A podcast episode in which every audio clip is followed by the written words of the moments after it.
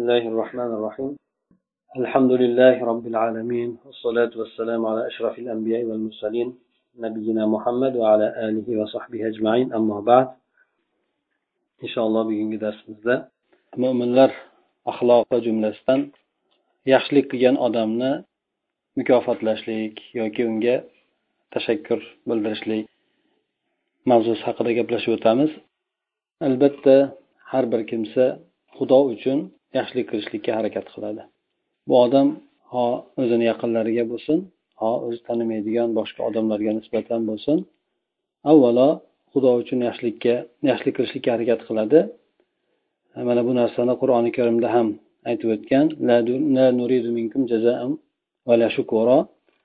ya'ni bular yaxshilik qiladilar infoq qiladilar. Lekin buni evaziga biz sizlardan hech qanaqangi mukofotni ham hech qanaqangi tashakkur bildirishliginglarda rahmat aytishliginglarda ham sizlardan umid qilmaymiz. Balki biz qiyomat kunidan qo'rqqanligimizdan o'sha kundagi hisob kitobdan qo'rqqanligimizdan bu amallarni qilamiz deb aytishadi. Bu o'zi demak e, musulmon odamdagi asl qaysi bir yaxshi amalni qiladigan bo'lsa biron bir kimsa uchun asli xudo uchun qilishligi hamda u odamlardan yaxshilikni yoki bo'lmasa ulardan bir tashakkur yoki mukofotni kutmasligi mana shu narsa asli xolis xudo uchun deb nomlanadi albatta shariat qaysi bir odam yaxshilik ko'radigan bo'lsa bir odam tomonidan bu odamga nisbatan bee'tibor bo'lmaslikka chaqiradi bir xunuk holat bo'ladi. Albatta yaxshilik qilgan odam o'zini qilgan yaxshiligiga odamlardan mukofotni yoki bo'lmasa bir tashakkurnomani rahmatni kutib o'tirishligi bu demak yaxshi holat bo'lmaydi. Aytib o'tganimiz demak musulmondagi asl albatta yaxshilik qiladigan bo'lsa xudo uchun qilishligi. Bundan ko'ra xunukroq bo'ladigan holat shuki yaxshilik qilgan odamni yaxshiligini sezmaydigan odam. Bu odamni holati yaxshilik qilgan odamni yaxshiligini bilmaydigan odamni holati bu avvalgidan ko'ra xunukroq bo'ladi endi. Birov unga yaxshilik qilgan bo'lsayu yaxshiligini bilib turib uni bilmaslikka olib umuman u odamga nisbatan yaxshiligiga bironta bir tengshab qo'ymasligi yoki bo'lmasa hech bo'lmasa tashakkur aytishligi yo haqqiga duo qilmasligi demak bu xuniyroq bo'lgan surat bo'ladi. Bundan ham ko'ra eng xunuk bo'lgan surati shu bo'ladiki birov yaxshilik qiladigan bo'lsa uni yaxshiligiga yomonlik qaytarishlik. Yaxshiligiga yaxshilik qaytarmadi yaxshiligini indamay ham qo'ymadi balki yaxshilik qilgan yaxshiligiga yomonlik qaytarishligi. Bu eng xunuk surati bo'ladi yaxshilik qilgan odamni mukofotlab qo'yishlik albatta bu ham vafo xulqidan kelib chiqadigan insondagi bir tabiiy bir xulq hisoblanadi. Ya'ni tabiati buzilmagan odam har qanday odam odam bironta odam yaxshilik qiladigan bo'lsa albatta uni yaxshiligini o'ziga yarasha mukofot bilan mukofotlaydi. Bu alloh taolo inson tabiatiga qo'yib qo'ygan fitrat bu ham. Chunki qalb o'ziga yaxshilik qiladigan odamni yaxshi ko'rishlikka binoan tabiatlangan. O'zimizda ham aytib qo'yadiku bergan kimga yoqmabdi yoki bo'lmasa bergan hammaga yoqibdi degan mazmunda. To'g'ri yo'ldagi mo'min odam bo'ladigan bo'lsa albatta kimdan yaxshilik ko'rishligidan qat'iy nazar avvalo alloh taoloni o'ziga shukrona aytadi. Chunki boshqa odamni unga yaxshilik qo'yganiga muyassar qiladigan faqatgina alloh taolo. Shuning uchun avvalo alloh taologa shukrona aytadida shu bilan birgalikda yaxshilik qilgan odamni yaxshiligiga tashakkur aytadi. Hamda o'sha yaxshiligini qadrlaydi. Payg'ambar sallallohu alayhi vasallam bu borada aytganlarki odamlarga shukrona qilmaydigan tashakkur aytmaydigan rahmat aytmaydigan odam allohga ham shukrona aytolmaydi deganlar. Mana biz aytaylik ollohni qilayotgan yaxshiligini biz ko'pincha ko'rmaymiz. Ko'pincha masalan aytaylik biz butun hamma tomonimizda turgan holatimiz alloh tomonidan bizga berilayotgan fazl. Ko'zimiz ko'rib turishligi qulog'imiz eshitib turishligi aqlimiz joyida bo'lishligi yaxshi amallarga muyassar qilib turishligi bu alloh taolo tomonidan bizga berilib turgan ne'mat buni albatta shukronasini qilishlik kerak. Lekin biz u narsalarga ko'proq bo'lishi kerak bo'lgan narsadek qabul qilamizda. Shuning uchun odam ko'proq ko'radigan narsasi insonlar tomonidan bo'ladigan yaxshilikni ko'radi. Chunki u narsa g'oyibona bo'lmaydi ko'proq aniq ko'rinib turgan narsa bo'ladi. Shuning uchun payg'ambar sallallohu alayhi vasallam aytganlar odamlarga shukrona qilmaydigan tashakkur aytmaydigan rahmat aytmaydigan odam allohga ham rahmat aytmaydi. Chunki aniq ko'rinib turgan bir yaxshilikni bilmagan odam g'oyibona keladigan yaxshilikni qadriga ham yetmaydi u narsaga beparvo bo'ladi. Mana shu bilan demak biz bilamiz ekanki mo'min odamni xulqini mukammal bo'lishligi faqatgina alloh bilan bo'lgan aloqasi bilan emas balki boshqa o'zi kabi insonlar bilan bo'lgan aloqasi bilan insonni xulqi mukammal bo'ladi. Albatta yaxshilik ho u ko'p bo'lsin ho kam bo'lsin baribir yaxshilik deb e'tibor qilinadi. Payg'ambar alayhisalom bir hadislarida kim oziga shukur qilmagan bo'lsa albatta u odam ko'piga ham shukur qilmaydi degan. Demak bir odamdan bir og'iz so'z chiqishligi u ham insonga nisbatan yaxshilik yoki bir odamga bir ozgina bir ishini bajarib berishlik bu ham u odamga nisbatan garchi arzimagan taqdirda ham bu narsa ham yaxshilik bo'ladi. Shariat bizni yaxshilikni singdirib yuborishlikka emas balki yaxshilik bilan yaxshilik qaytarib qo'yishlikka buyuradi. Ana o'shanda odamlar o'rtasida yaxshilik yoyiladi. Shuning uchun payg'ambar alayhisalom hadislarda keltirib aytadi qaysi bir odam sizlarga yaxshilik qiladigan bo'lsa albatta uni tengshab qo'yinglar degan. Tengshab qo'yishlik o'zini muqobilda u odamga yaxshilik ko'rsatib qo'yishlik. Bir odam boring dunyo tomonda yaxshilik qilgan bo'lsa imkoniyat topsa dunyo tomonda. Yoki agar imkoniyat topadigan bo'lsa undan ko'ra yaxshilikni o'tkazib ko'proq yaxshilik berishligi. Chunki bu odam muhtoj bo'lgan paytda qilingan yaxshiligi insonni esdan chiqmaydi. Albatta bu narsani o'tkazib berishligi narigi odamni ham u odamga nisbatan qilingan yaxshiligini demak bu odam qadrlaydi deydida keyin boshqalarga nisbatan ham u odamda jiddiy qalbini yaxshilik qilishlikka ochib qo'yadi yo bo'lmasa u odamga nisbatan yaxshilik qilishlikka ochib qo'yadi. Odam tabiati shuda bir odamga yaxshilik qilsa u odam u yaxshiligini bilmasa ikkinchi safarga inson tabiatida men xudo uchun qilgan taqdirida ham to'xtalib qoladi. Ya'ni keyin u odamga yaxshilik qilishlikka jur'at qilib olmaydi sababi u odamdan asli kutgani yo'q menga tashakkur aytadi deb. Lekin baribir narigi odamdan qandaydir bunga nisbatan sovuqqonlik emas iliqlik paydo bo'lishi kerak. Shuning uchun payg'ambar alayhisalom aytgan gaplari sizlarga bironta odam tomonidan yaxshilik keladigan bo'lsa albatta uni tengshab qo'yinglar. Agar tengshaydigan narsani topolmasanglar imkoniyatinglar bo'lmasa u odam qilgan narsani sizlar qilolmaydigan bo'lsanglar bu odamni haqqiga duo qilinglar. Hattoki duo qilinglar duo qilinglar hatto o'sha odamni qilgan yaxshiligiga tengshab qo'ydim deb o'zinglar qanoat hosil qilguninglargacha. Ya'ni bir marta duo qilib qo'yishlik emas ehtimol aytaylik bir odam peshona teri bilan ancha xizmat qilib berdi. Bu odamga nomiga bir marta duo qilib qo'yishlik insonni o'ziga kifoya qilmaydi bu narsa. Payg'ambar alayhisalom aytgani hatto duo qilinglar u odamga tengshab qo'ydim deguninglargacha. Ya'ni u odamni xizmatiga yarasha bo'ldi shu duosi deb o'ylagunlargacha u odamni haqqiga duo qilinglar degan. Albatta birov yaxshilik qiladigan bo'lsa ko'proq hamma o'zi uchun yaxshilik qiladi o'zi. Kim birovga yaxshilik qiladigan bo'lsa aslida o'zi uchun yaxshilik qiladi. Narigi odam u ikkilamchi narsa bo'ladi. Sababi inson ota onasiga yaxshilik qiladi ajri ko'p bo'lganligidan chunki ajr juda katta insonni do'zaxdan qutulishligiga sabab bo'ladi. Yoki bir odamga inson yaxshilik qiladi o'sha qiladigan yaxshiligiga katta ajr oladi. Alloh taoloni huzurida. Shunga qarab turib inson o'zini manfaatini o'ylagan holatda yaxshilik qiladi lekin shunday bo'lsa ham aytib o'tganimizdek demak inson narigi inson bu odamni qilgan yaxshiligiga loqayd bo'lmasin balki unga hamdard bo'lsin. Hattoki uni haqqiga duo qilayotganligini bildirib qo'ysa ham bo'ladi. Hattoki bu ham yaxshilik qilganligini alomatlaridan mana aytaylik.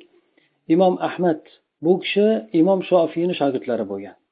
Imom shofiyda juda ko'p ancha narsa o'rganganlar. Shu o'rinda imom shofiy ham imom ahmaddan o'rgangan o'ziga yarasha. Chunki imom ahmad hadis borasida kuchli bo'lgan bo'lsa imom shofiy fiq borasida kuchli bo'lgan. Shundan bir davr kelganda imom ahmad imom shofiyni o'g'lini ko'rganda aytganlar men doim shu beshtami oltita odamni haqqiga duo qilaman. O'shalarni ichida sizni otangiz ham bor deb aytgan. Ya'ni doimiy suratda sizni otangizni ham qo'shib duo qilaman deb aytgan. Bu duo qilishligi minnat emas balki u otasi tomonidan ko'rgan yaxshiligini bildirib qo'yishligi shunga loqayd bo'lmaganligi bee'tibor bo'lmaganligini bu odam ham u odamga qo'ldan kelgancha yaxshilik qilayotganligini bildirib qo'yishligi endi. Demak inson agar bironta odam qo'lidan kelmasdan haqiga duo qilayotgan bo'lsa ham bu narsani aytib qo'yishligini zarari yo'q ekan. Balki narigi odamni yana bu odamga yaxshilik qilishligiga undovchi bo'lgan narsa bo'ladi. Mana shunda odamlarni o'rtasida bir biriga yaxshilik qilishlik undovi qoladi. Ya'ni bir biriga yaxshilik qilishlikka undovchi bo'lgan narsa qoladi. Odamlar birovni yaxshiligini to'g'ri ko'rib unga mukofot qiloladigan bo'lsa endi. Payg'ambar alayhisalom davrlarida muhojirlar madinaga yangi kelgan paytlarida ularni hech narsasi yo'q bo'lgan. Ansorlar ularga juda katta tomonlama yordam berishgan. Hattoki boyligini juda katta miqdorda yarmigacha taklif qilishgan. Hatto mana abdurahmon avfga bergan ikkita ayolim bor xohlaganingizni tanlang sizga qo'yib beraman deydi endi bu narsa sodir bo'lmagan. U kishi bo'pti bering demagan lekin taklif baribir bo'lgan. Mol dunyo taklif qilishgan bo'lgan bu ham xolis taklif qilgan. Aytaylik nochor qilganligidan emas sahobalarni ko'plariga sababi ular din uchun hijrat qilgan paytda alloh taolo ularga kengchilikni yaratib bergan. Bu ansorlar tomonidan bo'lgan edi. Ansorlar bergandan keyin bir muddat o'tib payg'ambar sallallohu alayhi vasallam mana yettinchi yillarda oltinchi yillar atroflarida hijriy yilda ular haybar jangida g'alaba qilishadi musulmonlar. Haybar bu yahudlar yashaydigan joy bo'ladi. O'sha yerda musulmonlar katta o'lja qo'lga kiritadi. Muhojirlar ham katta o'ljaga ega bo'ladi. Shunda payg'ambar alayhisalom ularga aytadi ansorlarga olgan narsalaringlarni qaytaringlar endi deb bular ham bajonidan ansorlarga qaytarishadi. O'sha oldinda olingan narsalarni ular ham qaytarishadi. Chunki o'shanda imkoniyat topishdi. Ha ya'ni imkoniyat bo'lgan paytda garchi ansorlar bergan paytda qarzga bermagan bo'lsa ham garchi u paytda berganda ha bir keyin qaytarib berasizlar deb yoki bir boshqa bir maqsadda bermagan bo'lsa ham xudo uchun bergan bo'lsa ham lekin narigilar imkoniyat topgandan keyin u bergan narsasini qaytarib berishgan. Demak bular ansorlar ham yana keyin o'sha qaytarib berib bularni imkoniyati yaxshi bo'lgandan keyin ular ham xohlaganlari bu narsani olishgan bu narsa ular uchun halol narsa bo'lgan edi. Yana bir muhojirlarda holati keladiki qiynalib qolgan paytida ya'ni bu aytib o'tgan o'lja olishlikdan oldin payg'ambar alayhisalomni oldiga kelishadida ya'ni payg'ambar alayhisalomga shikoyat qilib aytishadiki bu ansor deganlari ya'ni hamma ajrlarni olib ketyapti. Bular ansorlar endi yerli xalq bo'lgandan keyin o'ziga yarasha imkoniyati sal kengroq bo'lgan musofir bo'lgan odamlardan ko'ra. Infoq qilgani ham shular bo'lgan ko'proq bularni qaragani ham jihodga chiqqani ham jihodda ta'minlagani ham. Shunda payg'ambar sallallohu alayhi vasallamni oldiga kelib bular shikoyat qilgan paytda ya'ni bular ajrlarni hammasini olib ketyapti bizga hech qanaqa bir ajr qolmayapti deganda payg'ambar alayhisalom aytganlarki yo'q agar sizlar modomiki allohga ular haqqiga olloh uchun duo qilib turgan bo'lsanglar ha sizlar ajrsiz qolmayapsizlar. Ha ya'ni ular hamma ajrni olib ketmayapti. Agar sizlar allohga ularni haqqiga duo qilib turgan bo'lsanglar alloh allohdan so'rab turgan bo'lsanglar ular hamma ajrlarni olib ketmayapti. Sizlarga ham o'shani muqobilda katta katta ajr bo'lyapti deb payg'ambar alayhisalom aytganlar. Ya'ni bular yaxshilik qilganlarini bular ham duo bilan tenglab qo'yadigan bo'lsa bu odam ham haligi odamlar qilgan yaxshiligidaqa ajrga ega bo'ladi. Bu odamlar mol dunyo bilan qilgan bo'lsa o'shani miqdorda bir odam duo bilan ularga tengshaydigan bo'lsa o'sha o'rinda bu odam narigi odam ajr qanchalik olgan bo'lsa bu odamlar ham o'shandan qolmaydigan darajada ajr olishadi. Payg'ambar alayhisalom shu narsani bayon qildi. Narigi odamlar demak mol dunyosi bilan sarflab ajr olayotgan bo'lsa imkoniyati yo'q bo'lgan odamlar ularni haqqiga duo qilib o'sha ajrlarni olayotganligini aytib o'tdilar. Imkoniyat topolmaydigan yoki kambag'al bo'lgan odamni ehsoni o'sha yaxshilik qilgan odamlarni haqqiga duo qilishligi bo'ladi. Payg'ambar sallallohu alayhi vasallamni xulqidan shu bo'lganda bu kishi hadyani olardi sadaqotni qabul qilmasdi endi. Hadya kimdan bo'lsa olar edi lekin u hadyasini payg'ambar alayhisalom odati tenglab qo'yardi. Balki o'tkazib ham berardi. Hech qachon payg'ambar alayhisalom birov narsa olib keladigan bo'lsa demak uni olib singdirib ketavermagan. Shu o'zimizda asosan imom yoki boshqalarni odamlarni e'tiboridan tushib qolganligini sababi singdirib yuborganligi bo'lgan. Ya'ni o'zlarida shu beriladigan narsalarni singdirib boshqa birovlarga bermasligini sababi ularni odamlarni ko'zida unaqa bir yaxshi bir fazilatda qoldirmagan. Bergan odamlar ularni hukmron bo'ladigan xohlagan gapini o'tkazadigan darajada bo'lib qolgan. Mana shu narsa ularni obro'sini tushishligiga sabab bo'lib qolgan. Payg'ambar alayhissalom esa nima narsani oladigan bo'lsa odamlardan endi qabul qilmasa bo'lmaydi chunki qaysi bir odamlar ixlos bilan olib keladi. Hatto qabul qilmasa xafa ham bo'ladi. Bir kuni payg'ambar alayhissalomga bir odam yamoniy deb aytiladi shu yamandan bo'ladigan bir materialdagi bo'lgan choponni berib yuboradi. Payg'ambar alayhissalom namoz o'qiyotgan paytlarida qaraydi uni yo'llari bo'ladi naqshsimon yo'llari bo'ladi. Shunda namozni o'qib bo'lgandan keyin haligi odamni nimasini berib yuboradi o'ziga. Ya'ni meni namozdan band qilib qo'ydi. Ya'ni u chalg'itadigan narsasi bo'lgani uchun. Palonchiga beringlar aytinglar u menga palon narsasini bersin o'rniga. Ha agar shunday qaytarib yuboradigan bo'lsa u xafa bo'lishligini bilganligidan boshqa turdagi sal pastroq sortidagi bo'lsa ham boshqa narsasini menga bersin deb payg'ambar alayhisalom aytadi. Haligi odamni ko'ngli cho'kmasligi uchun. Lekin payg'ambar alayhisalom nima narsa olgan bo'lsa albatta hattoinki eng qilgan bu kishini katta ishlaridan bittasi abdulloh ibn ubay. Hammamiz bilamiz bu munofiqlarni eng kattasi bo'lgan. Bir paytlar payg'ambar sallallohu alayhi vasallamni amakisiga abbosga bu odam nimasini yechib bergan edi ekan choponini bergan edi ekan. Keyin vafotidan oldin payg'ambar sallallohu alayhi vasallamdan choponni so'ratadi. Ya'ni o'shani qabrga qo'yishlik nimasidada maqsadda. Payg'ambar sallallohu alayhi vasallam beradi.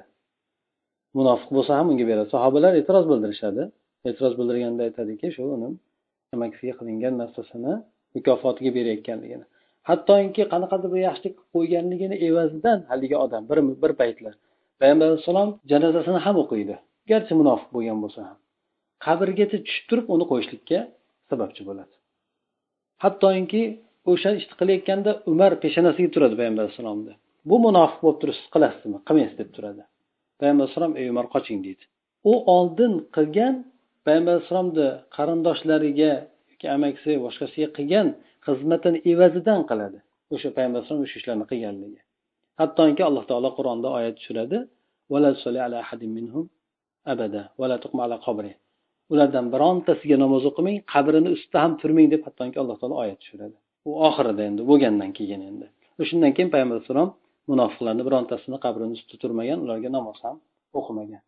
Lekin o'sha abdulloh ibn ubayga qilganligi hatto munofiq bo'lib aytaylik oshkor suratda dushmanligi bo'lib turgan odam bo'lsa ham lekin payg'ambar sallallohu alayhi vasallam o'g'lini xizmat qilgan xizmatlarini evaziga islomga qilgan xizmatlarini evaziga payg'ambar alayhisalomga qilgan xizmatlarini evaziga hamda o'sha munofiqni qilgan ba'zi yaxshiliklarni evaziga hattoki munofiq bo'lsa ham o'shanga tengshab qo'yishlikka harakat qiladi. Hattoki alloh taolo u kishini shariat tomonidan qaytargunigacha. Shunda u kishi to'xtaydi. Bo'lmasa hattoki umar roziyallohu anhu u kishini tepasiga kelib qattiq olishib turadi. Payg'ambar alayhisalom bilan qilmaysiz deb turib chunki bu qilayotgan narsasi endi umarni e'tiroz bildirayotganligi bu shar'iy ish bo'lmagan edi balki payg'ambar alayhisalomni o'zini ixtiyori bilan qilayotgan ishi bo'lgandi shuning uchun umar qattiq e'tiroz bildirib turgandi demak payg'ambar sallallohu alayhi vasallamni qilgan ishlari kimdan qanday bir yaxshilik ko'radigan bo'lsa albatta o'sha odamga iloji boricha bergan narsasini muqobilda narsa berishlik bilan yoki bo'lmasa uni o'rnida boshqa narsani qilishlik bilan yoki haqqiga duo qilishlik bilan o'sha tengsab qo'yishlikka harakat qilganlar. Undan tashqari yana qur'oni karimda ham buni bir misoldan keladi. Muso alayhissalom fir'avnni quvg'inidan chiqib ketgan paytida quvlashdan chiqib ketgan paytda bir madyan vodiysiga borib to'xtaydi. O'sha yerda qissasi ham keladi eshitgan bo'lsanglar ham kerak buni. Ikkita ayol qo'ylarini sug'orayotgan bo'ladi lekin chekkada turishgan bo'ladi. Odamlar qachon erkaklar mol qo'ylarni sug'orib bo'lgandan keyin bo'shagan paytda keyin bular qo'ylarini sug'oradigan bo'ladi. Ungacha kutib turadigan bo'ladi. Ya'ni quduqdan tortib olib sug'oradi. Shunda muso alayhissalom qarasa ikkita ojiza ayol shunday qilyapti. U kishi shab keladida yordam berishligini aytib turib muso alayhissalom juda o'zi ham baquvvat bo'ladi. Muso alayhissalom jasadlik bo'ladi. Tezda tezda sug'orib e, shu qo'ylarga suv chiqarib beradi. Shundan keyin bular olib ketgandan keyin otasiga aytadi. Otasi shuayb alayhissalom bu kishi keyin lekin qizlari aytgandan keyin aytadi bo'lmasa deydi u odamni chaqiringlar deydi men u odamni qilgan ishiga mukofotini berib qo'yay deydi qizlardan birisi borib chaqirib keladi. Shunaqa otamiz sizni qilgan ishingizga mukofotini berishligi uchun chaqiryapti deydi muso alayhissalom ham musofir bo'lgan odam. Kimnidir? Bo'lib ham quvg'inga ya'ni fir'avnni nimasidan qochib chiqqan odam kim bilandir suhbatlashishligi kim qaysi bir odamdir qanday tomondan bir e, tasalli berishligiga muhtoj bo'lib turgan payti bo'ladi endi. Ya'ni yakkalanib qolgan holatda. U kishi ham bo'pti deb boradi. Borgandan keyin u odam muso alayhissalomdan so'raydi qissa qilib aytib beradi holatlarini. Keyin qizlardan bittasi aytadiki ota deydi bu siz erga bermoqchi edingiz. Ya'ni bittamizni shu odamga bersangiz bo'ladi. Bu odam ham ishonchli ekan. Ham kuchli odam ekan deydi. Kuchliligini suv tortayotganda ko'radi ishonchliligini billa kelayotganda ko'radi. Billa kelayotgan paytda muso alayhissalom endi u ayol razm soladi. Muso alayhissalom tomonidan hech qanaqangi bir unga hattoki nazar solib qarashlik ham bo'lmaydi. Odatda erkak kishi oldinroq ayol kishi keyinroq yuradi masalan aks emas. Shunaqa qilib u kishi kelganligidan biladi bu odam ham ishonchli ham kuchli bo'lgan odam ekan. Amin. Shunga bitamizni bersangiz yaxshi bo'lardi dedi. Muso alayhissalom keyin keyin taklif qiladi. Muso alayhissalom bittasiga uylanadi. Uni muqobilda yetti yil yoki o'n yil ishlab berishligini taklif qiladi. o'n yil muso muso alayhissalom ularga mahr haqqiga ishlab beradi endi o'sha paytda. Aytmoqchi bo'lganimiz demak bu kishi ham ozgina bir qilgan. Hattoki ko'chada shunday bir yordam berganini evaziga mukofotlamoqchi bo'ladi. Oxir oqibatida qizini olishiga to'g'ri keladi endi ya'ni avvalda demak qur'oni karimda bu qissani keltirishlikda bizga bejiz keltirmagan shunchaki bir rivoyat bo'lib o'tgan qissa suratda emas balki albatta qur'onda nima narsa keltirilgan bo'lsa orqasida bir hikmat bilan bo'ladi tarbiyaviy tomoni bilan bo'ladi o'ziga yarasha. Bundan ham demak insonlar o'zlariga yarasha tarbiyaviy narsani olishligi yordam bergan odamni o'ziga yarasha mukofotini qilib qo'yishligi qanday bo'lishligidan qat'iy nazar endi. Hattoki bu narsa hayvonlarga nisbatan ham qilingan ekan. Payg'ambar alayhisalomni davrlarida u kishini bir joyda bir tuyasi bo'lgan ekan payg'ambar sallallohu alayhi vasallamda. Shuni bir ayol kishi madinaga qaytishlikda payg'ambar alayhissalomdan bir olib turgan edi ekan keyin keyin u tuya qihrlik qiladigan shunaqa bir odamni qiynaydigan tuya bo'lganligidan haligi ustida kelgan ayol kishi uni olib ketgandan keyin lekin tuya foyda qilgan ekan. Foydasi dushmandan o'sha tuya bilan qochishlikka muvaffaq bo'lgan ekan u ayol kishi. Lekin yo'lda qiynaganligi uchun nazr qilgan ekanki shu madinaga tinch yetib oladigan bo'lsam so'yib tashlayman shuni deb. Shu nazr qilgan ekan. Payg'ambar alayhissalom keyin madinaga kelgandan keyin shuni aytgan paytida payg'ambar alayhissalom agar shunday qiladigan bo'lsang qandayyam yomon mukofotlagan bo'lasan. Seni bu tuya dushmandan olib qochibdi. Undan keyin bu tuya o'zi asli seniki emas edi demak u nazringga vafo qilmaysan chunki seni mulking bo'lmaganligi uchun. Payg'ambar alayhisalom aytgan gaplari sen agar shunday qiladigan bo'lsang qandayyam uni yomonlik bilan mukofotlagan bo'lasan jazolagan bo'lasan. U seni dushmandan olib qochgan bo'lsa deb aytganlar. Demak inson hatto yaxshilik qiladigan bo'lsa hayvoniga ham hayvonga nisbatan ham inson yomonlik qilmasligi nafaqat u inson bo'lsin. Bir odam payg'ambar alayhisalomni oldiga kelib shikoyat qilgan qarindoshlaridan ey rasululloh meni shunaqa qarindoshlarim bor. Men aloqa qilaveraman ular aloqa qilmaydi menga. Uzishaveradi aloqani men ularda ancha muncha qilgan xatolarni kechiraveraman bular battar zulm qilishaveradi. Oshishaveradi yaxshilik qilsam ular menga yomonlik qaytarishadi. Men ham shularga tenglab qo'yaymi deydi bo'laveradimi men ham o'shalarga barobar qilib qo'ysam? Deganda payg'ambar alayhisalom aytganlar agar sen ham o'shalar qilganini qilsanglar unda barobar bo'lib qolasizlar. Sen ham o'shalarga yomonlik qilsang ularni ham yomonlik qilgan sen ham yomonlik qilasan o'rtanglarda yomonlik degan narsa paydo bo'lib qoladi. Lekin sen yaxshilik qilganda ular bilan aloqani qilavergin. Agar shunday qiladigan bo'lsang alloh tomonidan senga doimiy suratda bir himoyachi bo'ladi. Ya'ni farishtadan himoyachi sen bilan birga bo'ladi agar sen shu ishni qilaveradigan bo'lsang degan. Demak odamlar yomonlik qiladigan bo'lsa u odam yaxshilik qiladigan bo'lsa alloh taolo uni o'ziga yarasha mukofot bilan mukofotlayotgan. Bu alloh taolo farishtani insonga qo'riqchi qilib qo'yishligi. Bu qo'riqchi qilgan farishta insonni yomonliklardan saqlashligi hattoki yomon ishlardan saqlashligi insonga quvvat bo'lishligi yaxshi hamroh bo'lishligi qalbida yaxshilikka undovni berishligi yomonlik hayollarini insondan hattoki ketkazishligi. Mana shu narsa demak o'sha. Undan tashqari uni haqqiga istig'for aytib yurishligi. Farishtalar insonlarga mo'minlarni haqqiga istig'for aytadi. Allohdan gunohlarni kechirishligini so'raydi. Mana oyatda keladigan arshni ko'tarib turadigan hamda uni atrofida bo'lgan farishtalar mo'min bo'lgan kimsalarni haqqiga istig'for aytadi deb keladi. Alloh taologa hamd aytishadi. Hamda mo'min bo'lgan odamlarni haqqiga gunohlarni kechirishligini allohdan so'rab turadi.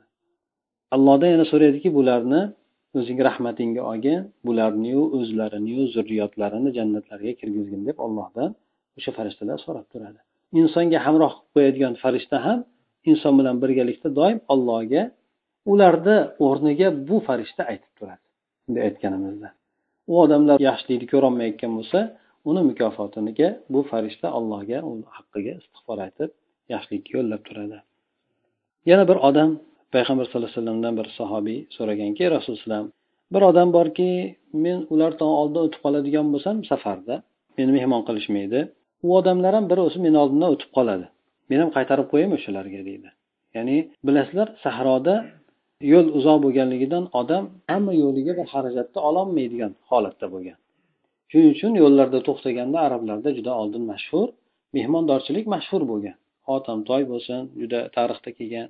Boshqalari ham arablarda mehmondo'stlik o'sha avvalgi paytida bo'lgan bo'lardi. Hozir hammada o'zgarib ketgan bo'lsa ham.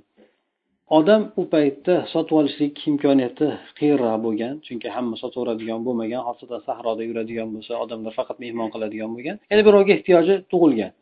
O'shanday bir odamnikiga tushsa u odam hech qachon mehmon qilmasdi ekan u odam ham shu safar yo'lda meni uyimga tushadigan bo'lsa men ham shuni qaytarsam bo'ladimi u odamga mehmon qilmasam deganda payg'ambar alayhissalom yo'q balki sen uni mehmon qilgin deganlar.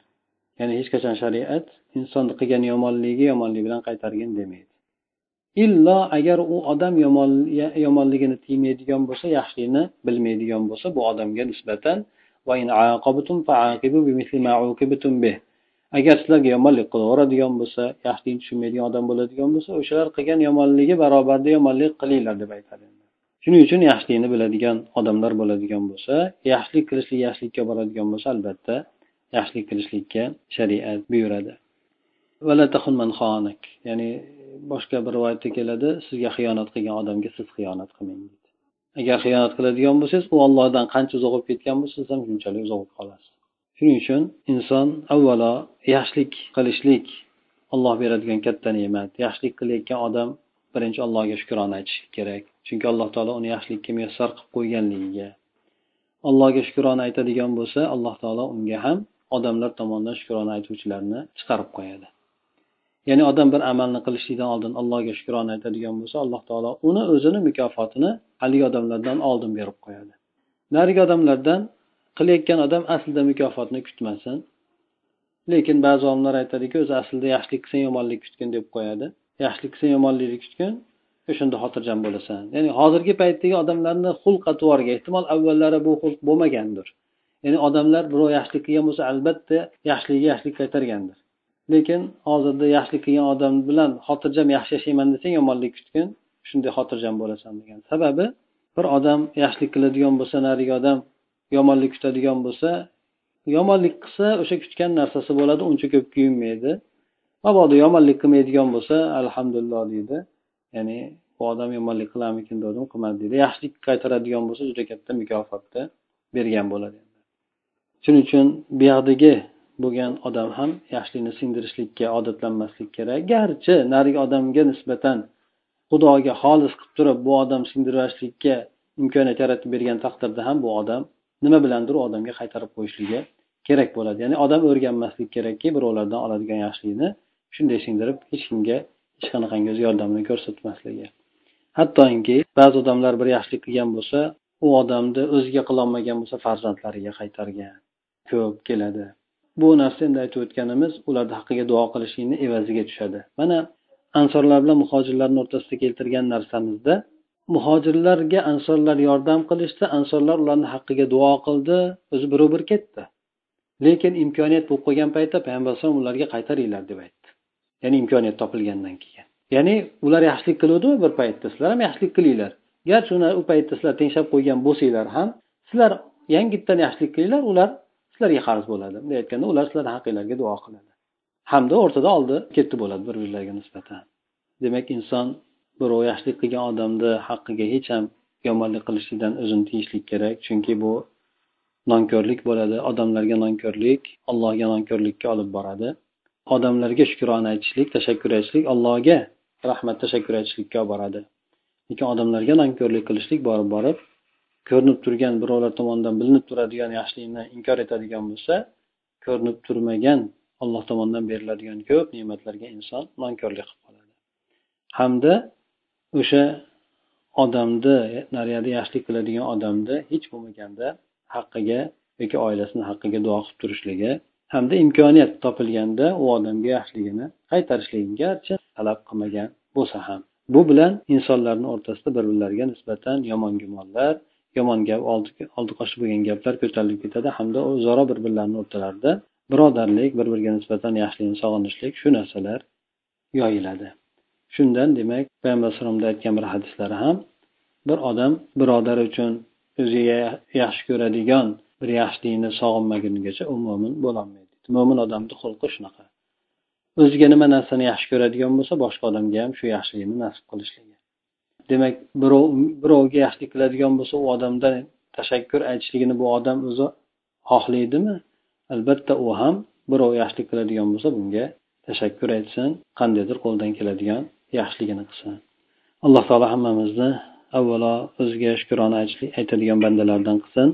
Bir odamlardan yaxshilik ko'radigan bo'lsa albatta o'shalarni haqqiga duo qilib o'sha tengshab qo'yishlikka harakat qiladigan tengshab qo'yadigan bandalarni qatorida qilsin. Bu ho musulmon bo'lsin ho kofir odam bo'lsin. Hattoki kofir bo'lgan odamga ham qilgan yaxshiligiga hidoyat so'rab allohdan ko'p duo qilishligi eng katta uni tengshab qo'yishlik bo'ladi. Agar alloh taolo uni hidoyatga nasib qilib qoladigan bo'lsa shu duosi sababli u ham garchi o'sha qo'lida musulmon bo'lgan odamni ajriga ega bo'ladi.